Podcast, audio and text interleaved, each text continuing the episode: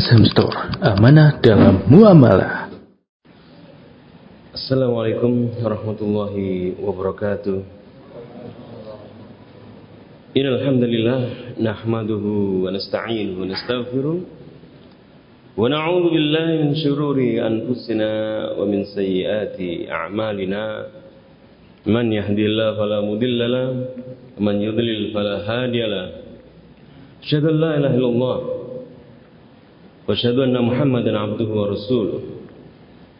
يا أيها الذين آمنوا اتقوا الله حق تقاته ولا تموتن إلا وأنتم مسلمون يا أيها الناس اتقوا ربكم الذي خلق من نفس واحدة وخلق منها زوجها وبث منهما رجالا كثيرا ونساء واتقوا الله الذي تساءل النبي والأرحام إن الله كان عليكم رقيبا يا أيها الذين آمنوا اتقوا الله وقولوا قولا سديدا يصلح لكم أعمالكم ويغفر لكم ذنوبكم. ومن يطع الله ورسوله فقد فاز فوزا عظيما. أما بعد فإن أصدق الحديث كتاب الله وخير الحديث محمد صلى الله عليه وسلم وشر الأمور محدثاتها وكل محدثة بدعة وكل بدعة ضلالة وكل ضلالة في النار. Ikhwani billah para pelajar mahasiswa sekolah tinggi agama Islam Ali bin Abi Thalib dan juga bapak-bapak sekalian, ikhwan sekalian yang dirahmati Allah Subhanahu wa taala. Alhamdulillah kita sejenak nu'minu sa'atan ya. Kita beriman sejenak.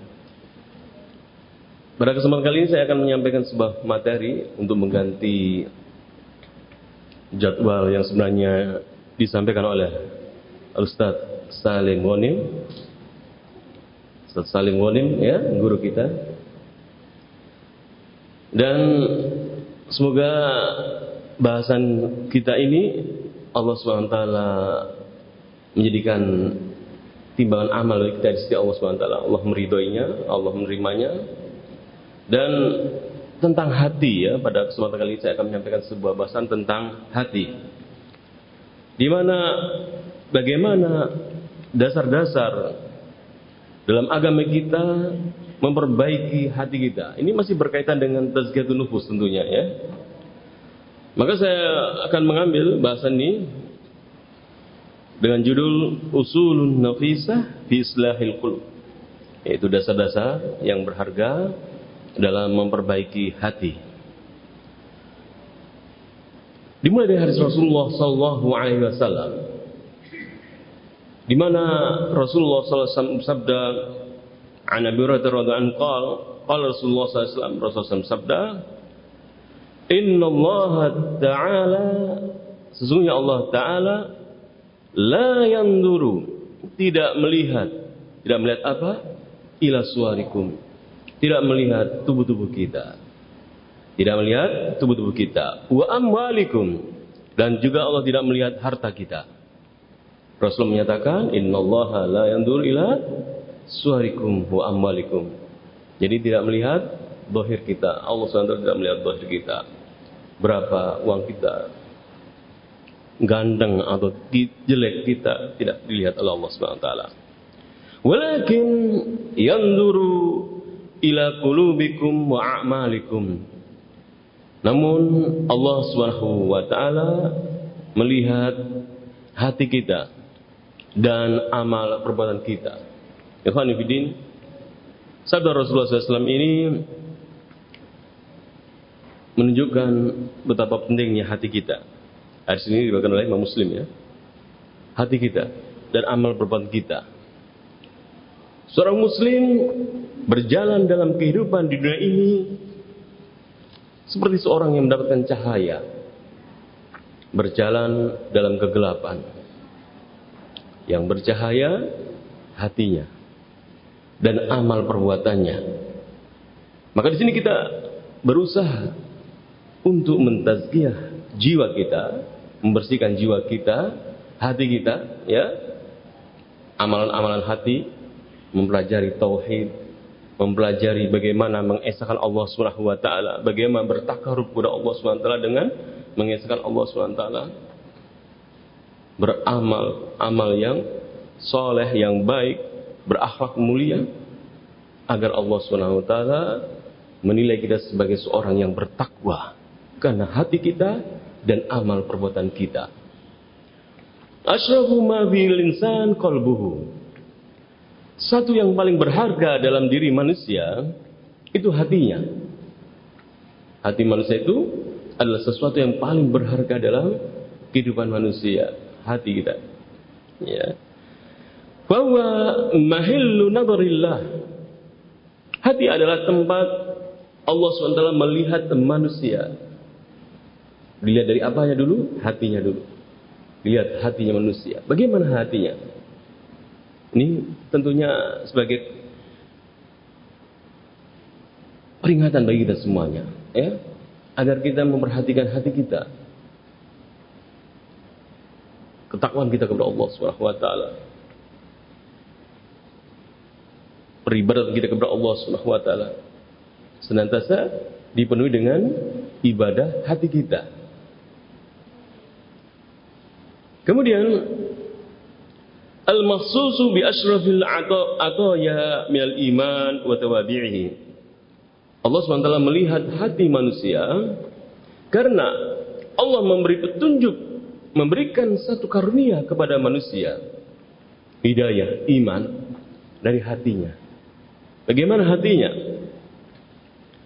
Tatkala Rasulullah SAW berdakwah mengajak pamannya. Pamannya tidak beriman. Tidak dipilih oleh Allah Subhanahu wa taala menjadi hamba-hamba yang beriman. Mengapa? Karena pamannya lebih mencintai kepada kekufuran. Lebih mencintai kepada keberhalaan. Maka Allah menyatakan innaka la tahdi man ahbabta. Engkau tidak bisa memberi petunjuk kepada orang yang kamu cintai. Lakin Allah yahdi man yasha.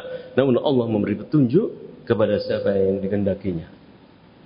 Kita dalam berdakwah gitu ya, berharap keluarga kita, ayah ibu kita, saudara kita, adik kita mengenal dakwah tauhid, dakwah sunnah. Kita sampaikan, kita sampaikan. Terkadang mereka tidak paham, ya, tidak menerima Allah yang memilih hati manusia, memberi petunjuk kepada siapa yang dikendakinya.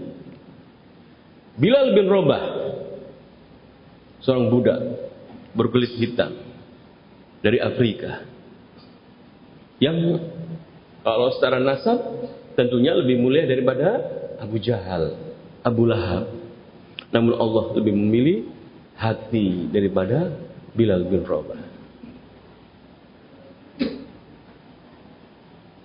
Allah tidak melihat kepada suara ya, postur tubuh dan harta kita namun Allah melihat hati kita. Oleh karena ikhwan, fa'ala al-abdi an yahtamma biqalbihi wa yuzayyinahu bitaubati wal inaba ila Allah taala. Maka seorang muslim dalam kehidupannya senantiasa dua kata ini harus ada dalam melekat dalam kehidupannya. Al-inaba wa taubah kembali dan taubat kepada Allah Subhanahu wa taala. Senantiasa kembali kepada Allah Subhanahu wa taala. Kenapa? Karena hati kita ini, hati seorang muslim senantiasa diberi was-was. Di senantiasa syaitan akan berusaha menyesatkannya. Terkadang tergelincir karena kullu bani Adam khata. Setiap manusia terkadang salah. Wa khata'in at-tawwabu namun sebaik yang bersalah yang bertobat. Maka al-inabah kembali kepada Allah dan bertobat kepada Allah harus senantiasa ada dalam diri kita. Istighfar kepada Allah taala. Kita tidak menganggap diri kita suci. Sudah sholat ya, sudah ngaji. Namun senantiasa kita mohon kepada Allah taala agar Allah menjaga diri kita ini dengan taubat kita, inabah kita kepada Allah taala. Maka di antara doa Rasulullah SAW yang tidak pernah Rasulullah SAW lepas, Rasul berdoa, Ya mukallibal qulub, tabbit. Atau, Ya mukallibal qulub, tabbit qalbi ala dini. Rabbana la tuzigh qulubana ba'da idah Berhubungan dengan hati.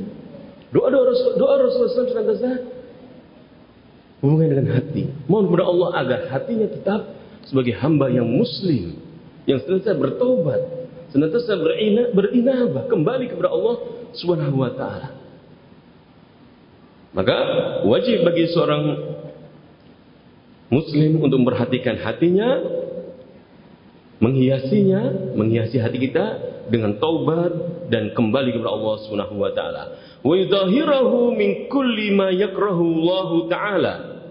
Dan juga mensucikan hatinya seorang muslim hendaknya mensucikan hatinya dari hal-hal yang dibenci oleh Allah Subhanahu wa taala. Fa inna zinata adh-dhahir ma kharabil batin la tughni syai'a. Karena menghiasi dohir. Bukan menghiasi batin. Menghiasi dengan ketakwaan kepada Allah. Bertobat kepada Allah Subhanahu wa taala ya. Seorang muslim demikian. Senantiasa kembali kepada Allah. Istighfar kepada Allah Subhanahu wa taala. Bersendirian dengan Allah kembali kepada Allah. Dia dia hiasi hatinya itu dengan beramal soleh. Membaca Quran berdoa belajar karena tahu seorang muslim.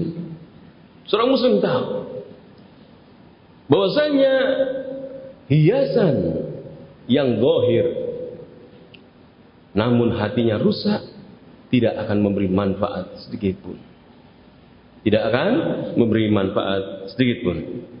Fa inna zinata zahir ma'a kharabil batin la tughni syai'an. Allah taala berfirman, "Ya bani Adam, wahai bani Adam, Wahai manusia. Dalam surah Al-A'raf ayat 26. Qad anzalna alaikum libasan. Aku atau kami telah menurunkan kepada kalian pakaian. Allah memberi kepada kita pakaian semuanya kan? Allah telah memberikan kepada kita pakaian. Qad anzalna alaikum libasan. Wahai Bani Adam, Allah telah memberikan kepada kalian pakaian. Untuk apa? Untuk menutupi aurat kita yuwari sawatikum warisha untuk perhiasan, untuk menutupi aurat kita. Namun kata Allah SWT, walibasut taqwa dalika khair. Namun libasut taqwa, pakaian takwa adalah lebih baik. Mana pakaian takwa? Ada yang pakai pakaian takwa? Baju takwa, bukan.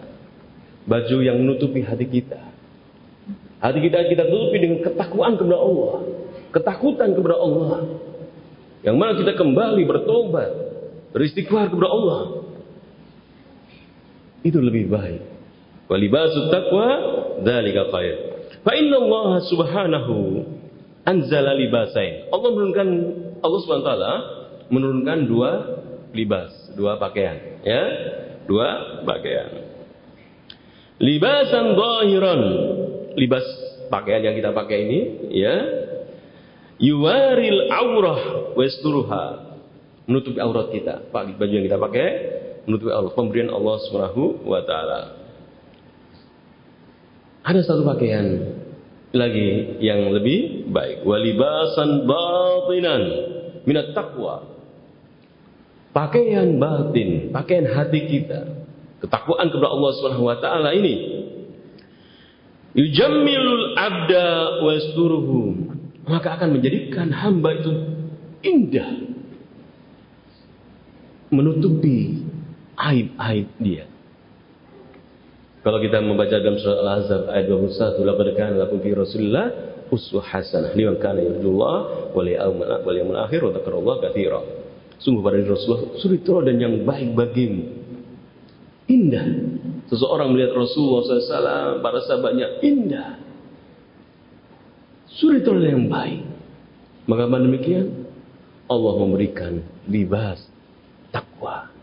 Memberikan pakaian ketakwaan kepada Rasulullah SAW. Dan manusia yang paling takwa, paling takut kepada Allah SWT adalah Rasulullah SAW sehingga beliau menjadi manusia yang paling indah karena menghiasi pakaian batinnya dengan ketakwaan kepada Allah Subhanahu wa taala. Yujammilul abda wa yasturuhu. Fa idza zala anhu hadzal libas, jika pakaian takwa ini hilang dalam diri seseorang, maka in kasyafat auratu al-batinah. Maka aurat batin dia akan tersingkapkan. Jika ketakwaan hilang dalam diri seorang, maka dia terlihat aurat batin dia. Kama kashifu auratuhu adh-dhahirah binaz'i ma yasturuha. Sebagaimana pakaian yang dia kenakan ini tersingkapkan, auratnya kelihatan. Demikianlah seorang yang menghilangkan ketakwaan dalam dirinya, maka dia akan nampak aurat-auratnya, kedustaannya, ketidakjujurannya, kemaksiatannya akan nampak. Sehingga dia menjadi manusia-manusia yang buruk. Dilihat oleh manusia, manusia tidak senang melihatnya. Bahkan istrinya tidak akan senang melihatnya. Karena ketakwaannya, pakaian takwanya hilang dalam dirinya. Ini seperti disebutkan dalam kitab Ad-Dawa ya. Oleh Imam Al-Qayyim yang bagaimana dosa itu jika telah terjadi pada seorang maka dosa itu akan berbintik hitam. Kalla bal rana ala qulubihim ma kanu yaksibun. Apa yang mereka lakukan itu akan dirona dalam hati mereka. Titik hitam, hitam, hitam, hitam sehingga menjadi hitam hatinya. Sehingga manusia melihatnya sebagai manusia yang gelap. Padahal dia berkulit putih. Namun perbuatan-perbuatannya gelap. Kezaliman. Sehingga manusia, makhluk tidak senang melihatnya. Tidak suka, benci melihatnya. Kemudian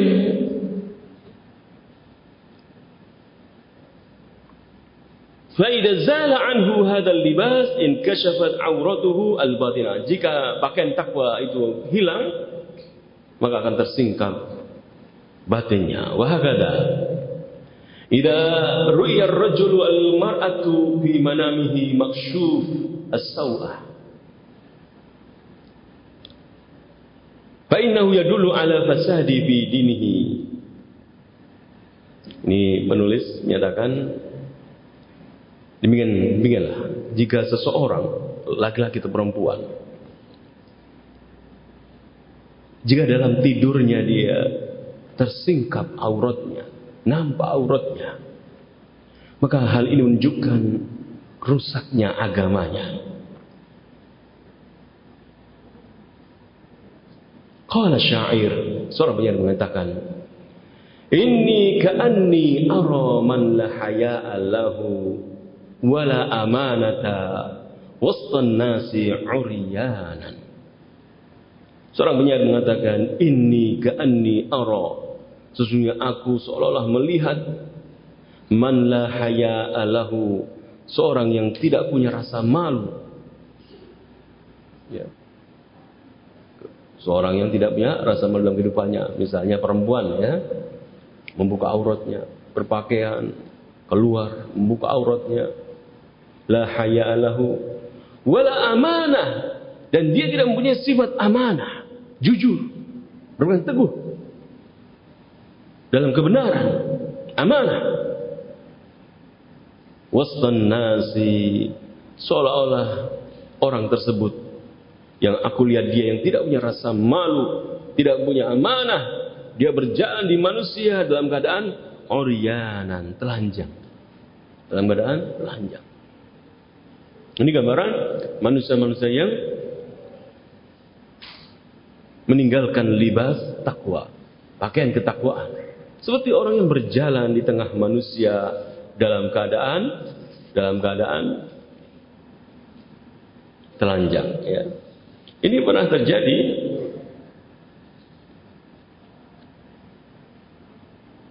kalau kita lihat ya dalam kehidupan kita ini kita ini sedang berjalan Dan hati kita mempunyai peran penting dalam perjalanan kita menuju Allah di atas dunia ini. Apakah kita ini makhluk yang hidup di atas dunia? Apa sudah mati sebelum dikubur di atas, di bawah dunia ini, di tanah ini?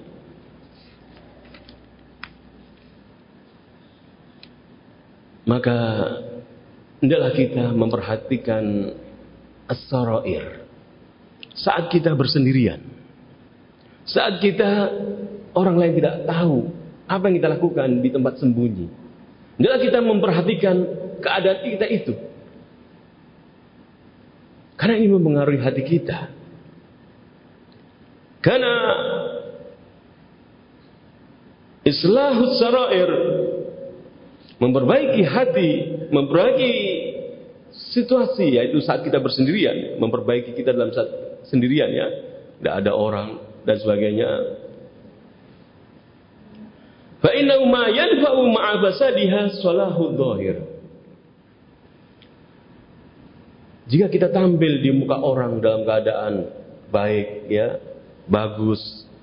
Namun saat kita sendirian, kita berbuat maksiat, maka tidak memberi manfaat dalam keadaan kita itu. Kita menampakkan di manusia seolah-olah kita baik, namun di saat kita sendirian kita berbuat tidak baik, berbuat jahat, tidak memberi manfaat sama sekali. Pakaian, libas kita ini. Kenapa? Libas takwa kita sudah kita buang, kelihatan aurat kita. Allah SWT berfirman dalam surah Ahzab ayat 51, Wallahu ya'lamu ma fi qulubikum. Allah SWT mengetahui apa yang ada dalam hati-hati kalian. Maka marilah saudaraku, hendak kita memperhatikan ayat ini. Wallahu ya'lamu ma fi qulubikum. Allah mengetahui apa yang ada dalam hati kita. Kemudian hal kedua dalam memperbaiki hati kita meyakini anggota tubuh kita ini jadi baik. Mata kita, tangan kita, lisan kita. Ini karena hati kita ini baik.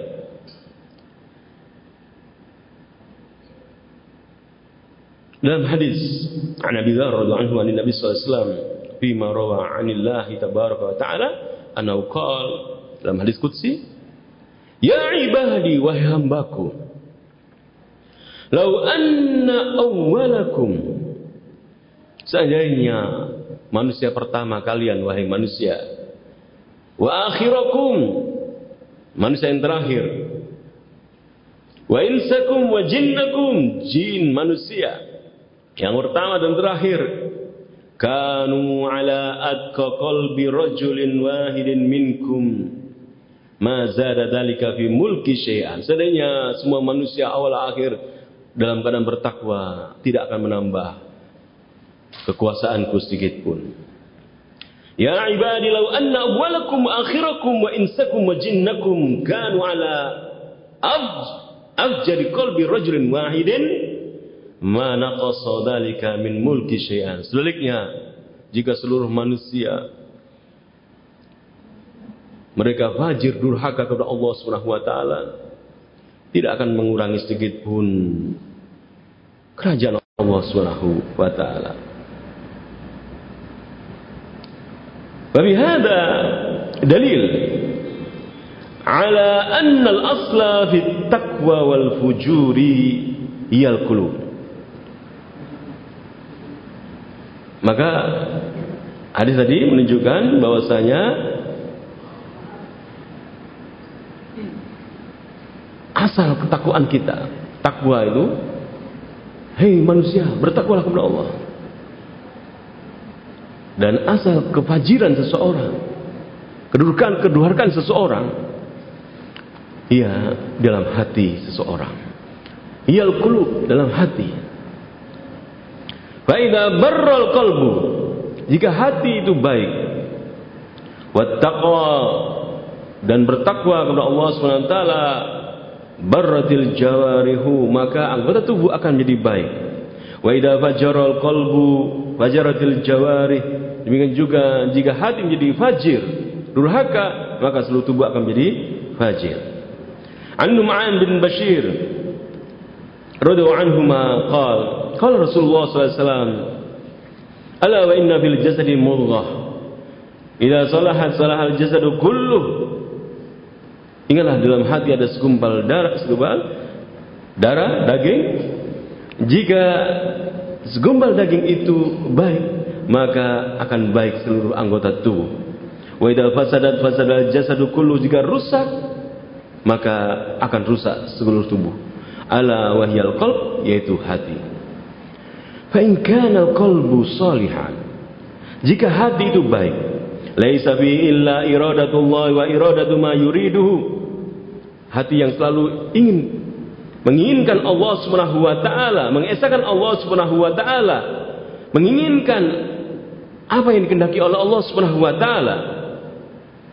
Lam tanba'is al-jawari illa fima yuridullah. Maka anggota tubuh kita juga demikian akan melakukan suatu perbuatan yang Allah taala inginkan. Fasara adila ma bihi ridha. Dia akan melakukan hal-hal yang diridhai oleh Allah taala. Karena hatinya baik. Datang pengajian, membaca Al-Quran, sholat,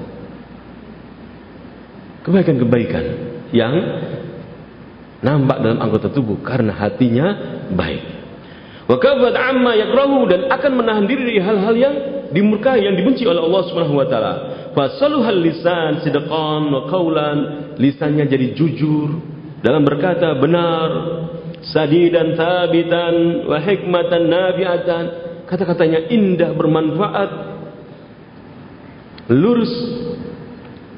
Wasalu hadil ainu i'tibaran wa ghaddan 'anil mahari matanya pun demikian akan mencari hal-hal yang tidak dibenci oleh Allah bukan mencari hal-hal yang dimurkai oleh Allah kan hatinya tertutupi dengan pakaian takwa kepada Allah Subhanahu wa taala Wasalu hadil udun istima'an lin nasiha wal qaulin nafi. Telinganya senang mendengarkan nasihat, mendengarkan kata-kata yang bermanfaat bagi hatinya. Wa ma yanfa'ul ab min ma'a min ma'ashihi wa ma'adihi wa suhal farju ifatan wa hifdhan. Semua anggota tubuhnya akan baik. Kehormatannya akan terjaga, dia akan menjauhi perbuatan-perbuatan maksiat, berzina, dijauhi kan hatinya takwa kepada Allah Subhanahu wa taala. Wa Anas radhiyallahu anhu qala qala Rasulullah sallallahu alaihi wasallam la yastaqimu imanu abdin Rasulullah bersabda iman seseorang tidak akan istiqamah teguh hatta istaqima qalbuhu. Sampai hatinya juga istiqamah teguh. Wa yastaqimu qalbuhu hatta istaqima lisanuhu dan hatinya tidak akan istiqomah hingga lisannya sampai lisannya itu tangguh. Hubungannya dengan anggota tubuh hati ini, lisan, iman, anggota tubuh semuanya istiqomah karena hatinya istiqomah. Hadis ini dalam Sahih At-Targhib wa Tarhib hadis nomor 2554. Maka fa aslu istiqomah istiqomatul qalbi ala tauhid maka istiqomah. Kalau kita menasihati, eh kamu istiqomah gitu ya. Itu asalnya adalah seorang istiqomah di atas tauhid, menjauhi kesyirikan. Dia memahami makna kalimat la ilaha illallah, la ma'budu bihaqqin illallah. Tauhid lurus. Di atas kalimat tauhid. Famata istaqamal qalbu ala ma'rifatillah. Hati ini sudah istiqomah, teguh di atas tauhid, mengenal Allah SWT tauhid rububiyah memahami dan diamalkan. Tauhid uluhiyah dipahami dan diamalkan. Tauhid asma wa sifat dipahami dan diamalkan. Maka akan tegak hati seseorang. Wala khasyatihi dia akan takut kepada Allah Subhanahu wa taala. Wa ijlali dia akan mengagungkan Allah Subhanahu wa taala. Wa mahabatihi wa iradatihi wa rajaihi wa duaihi wa tawakkul alaihi wal irad. Amma siwahu istaqamatil jawari kullu. Semua anggota tubuhnya akan lurus. Tatkala dia sudah hatinya lurus di atas tauhid kepada Allah ma'rifatullah mengenal Allah mengenal Tauhid rububiyah, uluhiyah, sifat. Maka di sini ikhwan, dakwah tauhid ya, dakwah salah ya, identik dengan dakwah tauhid kan? Kita dulu masih ingat ya, dakwah salah mengajarkan tentang tauhid. Kita mengenal apa itu tauhid rububiyah, uluhiyah, asma sifat. Yang sebelumnya kita tidak mengenal. Maka dengan kita mengenal tauhid, akhirnya kita mengenal Allah. Akhirnya kita takut kepada Allah taala. Takut untuk berkata bohong, takut untuk tidak jujur, takut untuk bermaksiat, takut untuk melanggar perintah-perintah Allah. Karena tauhid, belajar tauhid. Karena kita mengenal di antara nama-nama Allah adalah Allah Maha mengetahui, Allah mengetahui yang gaib sehingga kita takut kepada Allah Subhanahu wa taala. An Abi radhiyallahu anhu qala qala Rasulullah sallallahu alaihi wasallam Man ahabba lillah Barang siapa mencintai Allah kata Rasulullah SAW Wa abghada lillah dan barang siapa membenci untuk Allah karena Allah. Wa adalillah dan dia memberi untuk Allah karena Allah.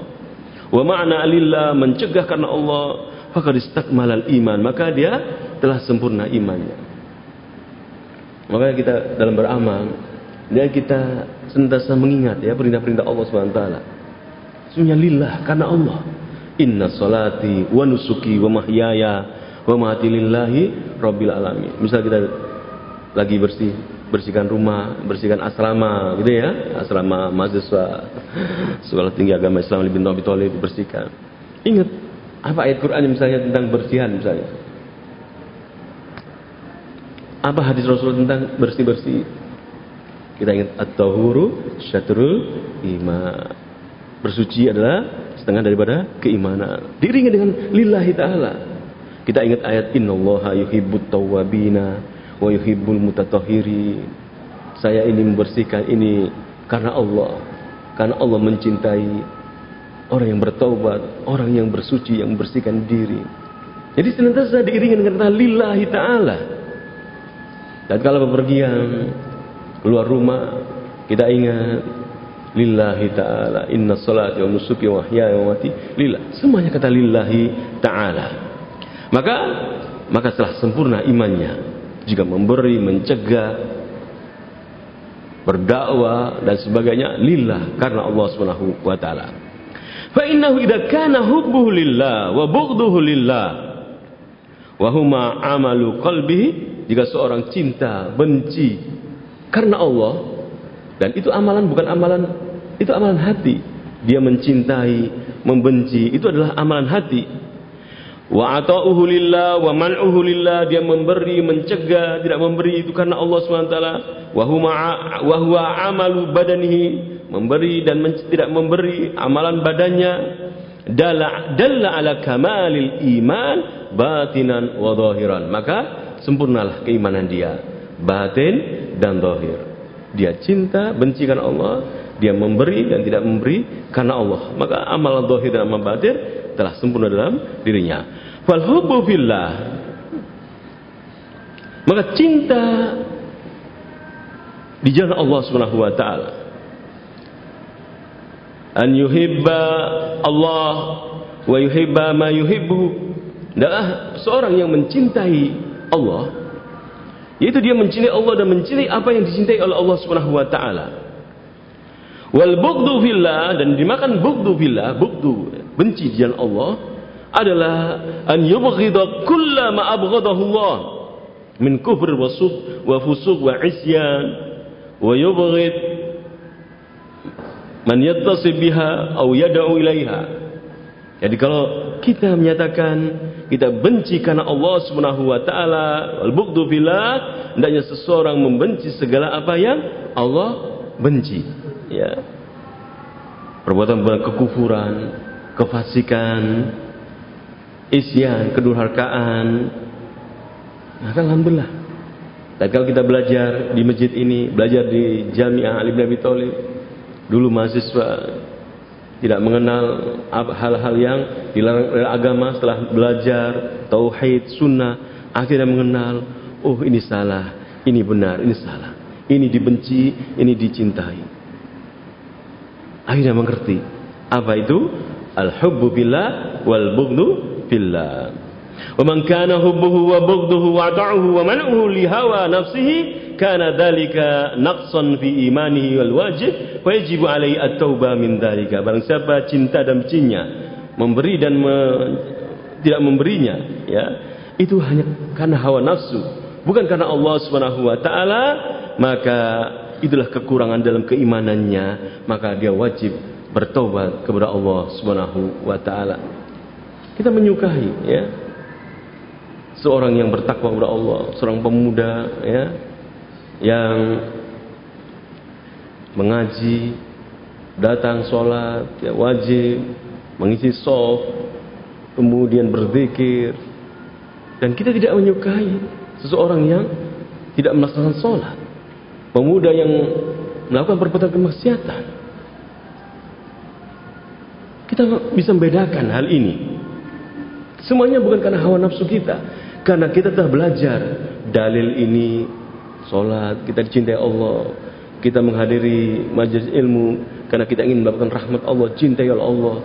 Kita mengetahuinya karena kita berilmu. Sehingga kita melakukan sesuatu bukan karena hawa nafsu, karena ilmu dasarnya. Ya, maka barang siapa melakukan sesuatu karena hawa nafsu, maka dia bertobat kepada Allah Subhanahu wa taala. Kemudian al-asl thalis al-qalbu kathiru taqallub. Dan kita ketahui dalam memperbaiki hati. Hati ini adalah satu yang banyak sekali berubah. Kita sekarang bisa ngobrol begini ya.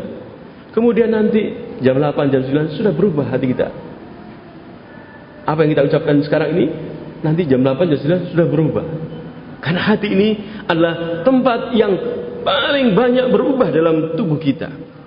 Anil Miqdad bin Aswad radhiyallahu anhu qala La aqulu fi rajulin khairan wala syarran. Kata Al-Miqdad bin Aswad, aku tidak akan mengatakan seorang itu baik atau buruk. Hatta andur ma yukhtamu lahu yakni ba'da syai'in sami'tu minan Nabi wasallam. Sampai aku melihat apa akhir dia.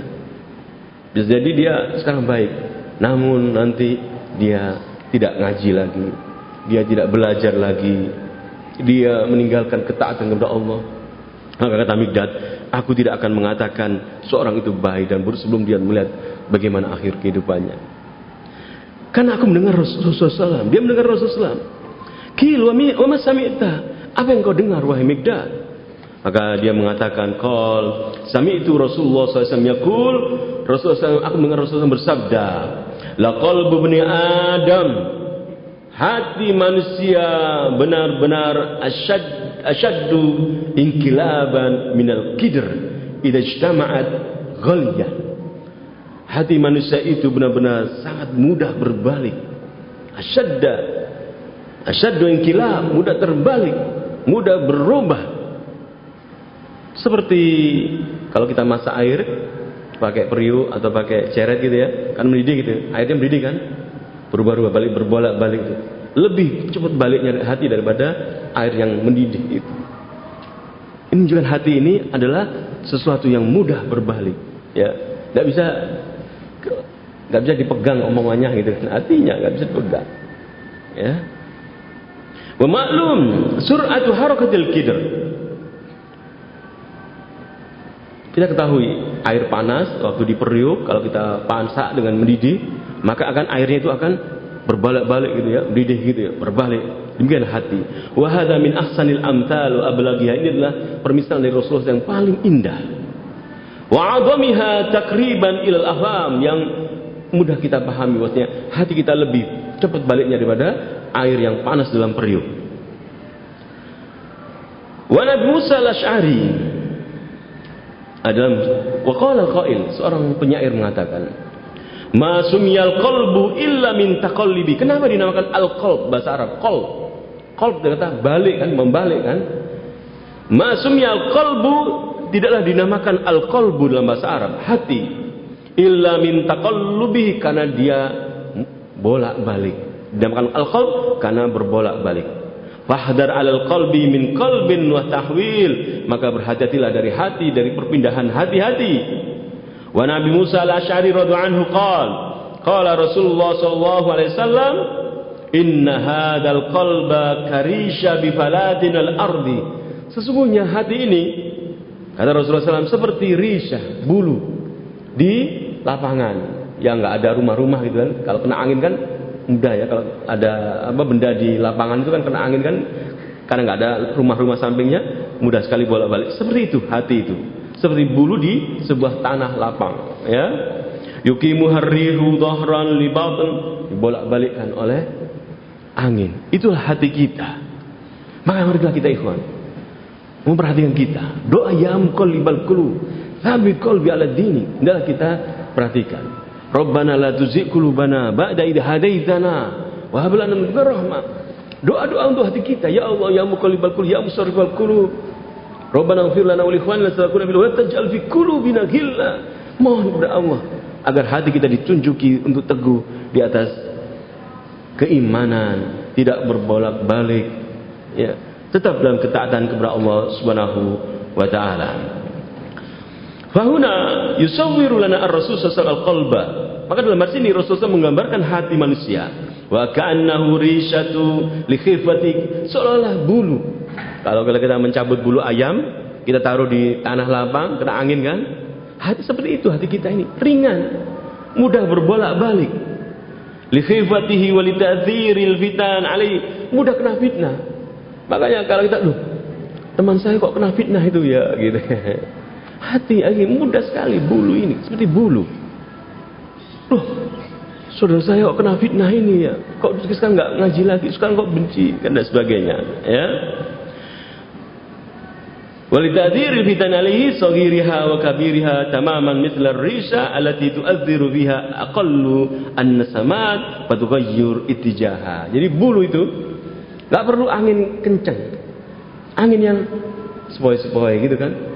Kalian pernah duduk di lapangan kemudian kena bulunya kena tiupannya, itulah hati kita nggak perlu kena hembusan fitnah yang besar di fitnah ya gitu ya dengan kata lembut mudah bergolak mudah bolak-balik. Oleh karena itu, malah kita perhatikan hati kita dalam memperbaiki hati kita. Ini bahasan sebenarnya masih ada lanjutannya.